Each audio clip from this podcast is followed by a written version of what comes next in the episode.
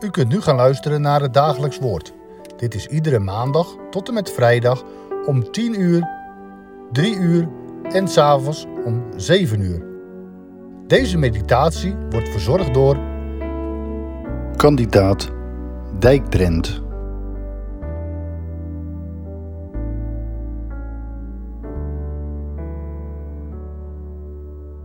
Geliefde broeders en zusters, vandaag lezen we met elkaar de eerste zes versen uit het boek van de profetie van Daniel, hoofdstuk 9, waar we Gods woord als volgt lezen. In het eerste jaar van Darius, de zoon van Ahasveros uit het geslacht van de Meden, die koning gemaakt was over het koninkrijk van de Galdeën, in het eerste jaar van zijn regering merkte ik, Daniel, in de boeken het aantal jaren op waarover het woord van de Heere tot de profeet Jeremia gekomen was. Zeventig jaar zouden na de verwoesting van Jeruzalem voorbij moeten gaan. Ik richtte mijn gezicht tot de Heere God om hem te zoeken in gebed en met smeekbeden, met vasten en in zak en as. Ik bad tot de Heere, mijn God, en deed belijdenis en zei, Och Heere, grote en ontzagwekkende God, die zich houdt aan het verbond en de goede tierenheid ten aanzien van hen die hem liefhebben en zijn geboden in acht nemen. Wij hebben gezondigd, wij hebben onrecht gedaan, wij hebben goddeloos gehandeld, wij zijn in opstand gekomen door af te wijken van uw geboden en bepalingen. Wij hebben niet geluisterd naar uw dienaren, de profeten, die in uw naam spraken tot onze koningen, onze vorsten en onze vaderen, en tot heel de bevolking van het land. Wees als Daniel. Die kreet heb ik vaak gehoord in preken over deze profeet. Dan ging het meestal over de hoofdstukken 1 en 6.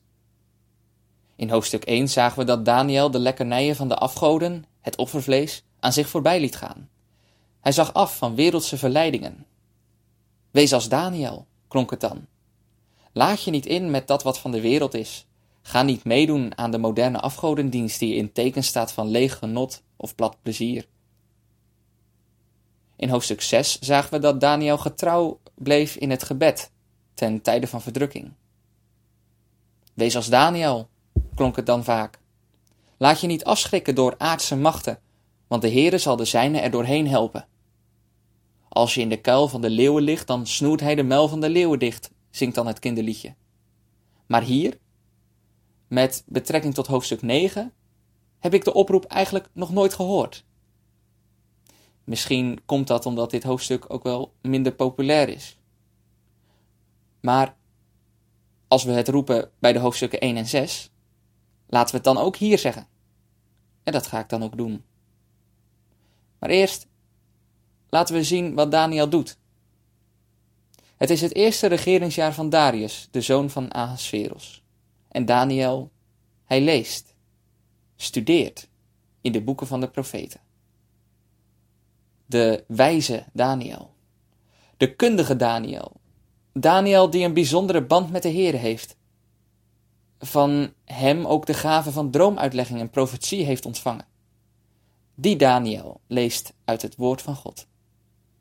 Hij is er niet te groot, te wijs of te bijzonder voor, maar hij besteedt zijn tijd aan dat eenvoudige en tegelijkertijd broodnodige, het lezen uit, het bestuderen van en het graven in Gods woord. Laat het me alvast eens zeggen. Wees als Daniel. Hij is aangekomen bij de profetieën van Jeremia en waarschijnlijk leest hij uit het 29ste hoofdstuk. Vast niet voor de eerste keer. Daniel zal echt niet onbekend zijn geweest met deze profetie. Deze, zoals alle profetieën, bestemd voor de ballingen. Ze zullen hem waarschijnlijk wel bekend zijn geweest. En toch, hij leest ze weer opnieuw. We lezen wat fragmenten met hem mee.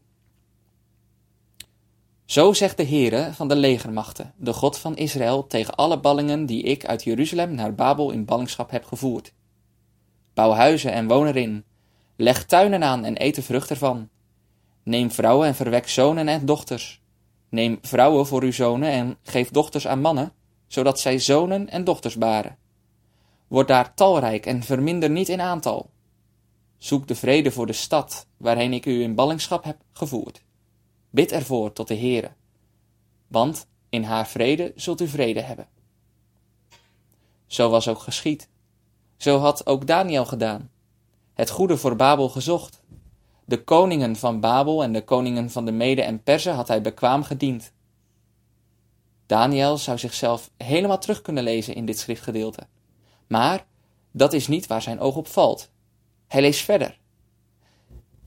Want, zo zegt de Heere, voorzeker, pas wanneer zeventig jaren in Babel voorbij zijn, zal ik naar u omzien en over u mijn goede woord gestand doen, door u terug te brengen naar deze plaats. Ik immers, ik ken de gedachten die ik over u koester, spreekt de Heere. Het zijn gedachten van vrede en niet van kwaad, namelijk om u toekomst en hoop te geven. Daniels oog valt op de belofte van de Heere en wat hij zal doen. Het lijkt mij goed om hieronder een streep te zetten vandaag de dag. Ik merk dat velen in het Bijbellezen op zoek zijn naar iets van henzelf in de schrift, of iets wat op henzelf betrekking heeft. Ik zou juist vandaag eens willen zeggen: wees als Daniel. Laat ons oog in het lezen van de schrift zoeken naar de Heere, die zich in zijn woord laat vinden. Nog een klein stukje lezen we mee met Daniel. Dan zult u mij aanroepen en heen gaan. U zult tot mij bidden en ik zal naar u luisteren. U zult mij zoeken en vinden, wanneer u naar mij vragen zult met heel uw hart. Ik zal door u gevonden worden, spreekt de Heere. Ik zal een omkeer brengen in uw gevangenschap en u bijeenbrengen uit alle volken en uit alle plaatsen waarin ik u verdreven heb, spreekt de Heere. En ik zal u terugbrengen naar de plaats van waar ik u in ballingschap gevoerd heb. En Daniel? Daniel richt zijn gezicht tot de Heere God, om hem te zoeken in gebed en met smeekbeden, met vasten en in zak en as. Hij geeft per direct gehoor aan het woord van God. Hij houdt niet op bij het lezen van die prachtige, hoopgevende teksten, maar zoekt de Heere om hem aan te roepen op grond van dat gelezen woord. Ik zou opnieuw willen zeggen: wees toch als Daniel. In het bidden spreekt Daniel geen grote woorden van zichzelf of van zijn volk. Ook haalt hij niet meteen Gods belofte erbij. Opvallend. Dat komt pas op het einde. Maar in plaats daarvan beleidt hij schuld namens het hele volk en haar vorsten. Dat is de houding van een mens die Gods rijke belofte hoort en gelooft. Die beleidt de eigen ontrouw, om zich vervolgens te beroepen op de onomstotelijke trouw van God. Hier zou ik het wel het meeste willen zeggen, broeders en zusters. Al die keren dat we eerder hebben gezegd: wees als Daniel, daar waarin wij zo vaak tekortschieten, dan zou ik hier hard willen uitroepen: Wees als Daniel, want het is immers niet in ons afkeren van de wereld, onze onverschrokkenheid, ons trouwe lezen in de Bijbel of ons juiste lezen van de Bijbel, ons bidden en zelfs niet in ons beleiden van schuld wat ons zalig maakt. Maar de zaligheid ligt vast in die onomstotelijke trouw van God. En al dat andere, het bidden, het lezen, het beleiden, het vloeit voort uit dit ene, of beter gezegd, uit die ene, in wie ons de onomstotelijke trouw van God volkomen en het meest helder geopenbaard is, onze Heer Jezus Christus. In Hem hebben wij, die hier nog in het Babel van deze tijd leven, uitzien naar het neerdalen van het nieuwe Jeruzalem uit de hemel, alle reden om ons met Daniel te verootmoedigen voor deze Heere God, onze schulden steeds te beleiden en Hem aan te grijpen in de Zoon van de belofte. Laten wij dan samen bidden. Onze Vader, die in de hemelen zijt, uw naam worden geheiligd, uw koninkrijk komen.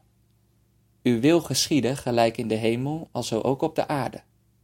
Geef ons heden ons dagelijks brood en vergeef ons onze schulden, gelijk ook wij vergeven onze schuldenaren. En leid ons niet in verzoeking, maar verlos ons van de boze, want van u is het koninkrijk, en de kracht en de heerlijkheid in eeuwigheid.